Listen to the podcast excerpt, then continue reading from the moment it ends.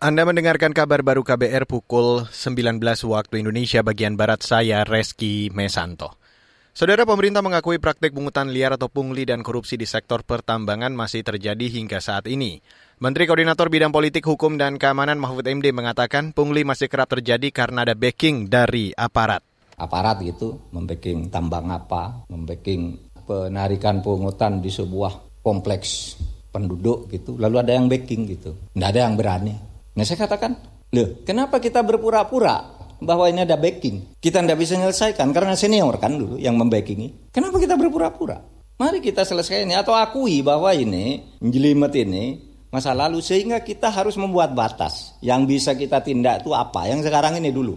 Menko Poluka Mahfud MD yang juga menjadi pengendali Satuan Tugas Sapu Bersih Pungutan Liar atau Satgas Saber Pungli mengatakan, saat ini pemerintah tengah berupaya memperbaiki tata kelola pertambangan. Sebelumnya, Ketua Pelaksana Satgas Saber Pungli Polri, Agung Budi Marioto, menyebut, dalam kurun enam tahun terakhir menerima 38 ribuan laporan dan aduan masyarakat terkait pungutan liar. Dalam kurun waktu itu sebanyak 78 ribuan orang ditetapkan sebagai tersangka dengan barang bukti uang senilai 22 miliar rupiah. Beralih ke berita selanjutnya, Saudara, pengesahan rancangan Kitab Undang-Undang Hukum Pidana atau RKUHP masih menimbulkan kekhawatiran dari kalangan pengusaha di sektor industri pariwisata, terutama dari Perhimpunan Hotel dan Restoran Indonesia atau PHRI. Sekretaris Jenderal PHRI Maulana Yusran mengatakan pengesahan RKUHP diwarnai narasi negatif dari negara-negara yang jadi sasaran sektor pariwisata Indonesia.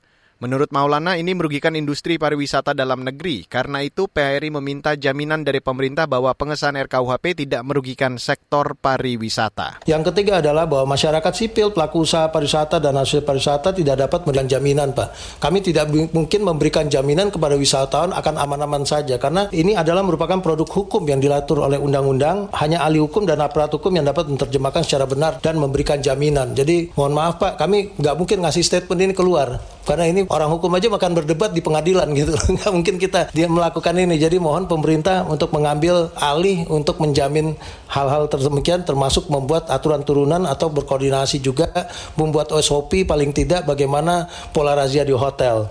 Sekretaris Jenderal PHRI Maulana Yusran mengatakan pengusaha di industri pariwisata terutama perhotelan berharap segala potensi kriminalisasi akibat KUHP diantisipasi.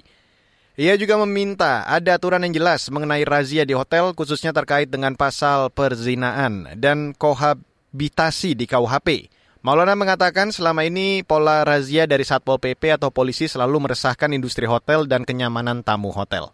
Saudara DPR diminta segera mempercepat pengesahan rancangan Undang-Undang Perlindungan Pekerja Rumah Tangga. Koordinator Koalisi Nasional untuk Advokasi Pekerja Rumah Tangga, Eva Kusuma Sundari, mengatakan, saat ini ada lebih dari 4 juta pekerja rumah tangga masih rentan mengalami kekerasan dan tidak dijamin hak-haknya. Memang persoalannya panjang, banyak catatan, tapi bukan berarti untuk ditinggalkan. Di saat yang sama, kami juga bersurat kepada Presiden untuk menerima empat korban yang kami kumpulkan ya, untuk mengeluh kepada Presiden. Presiden saya mengalami ini, ini, ini.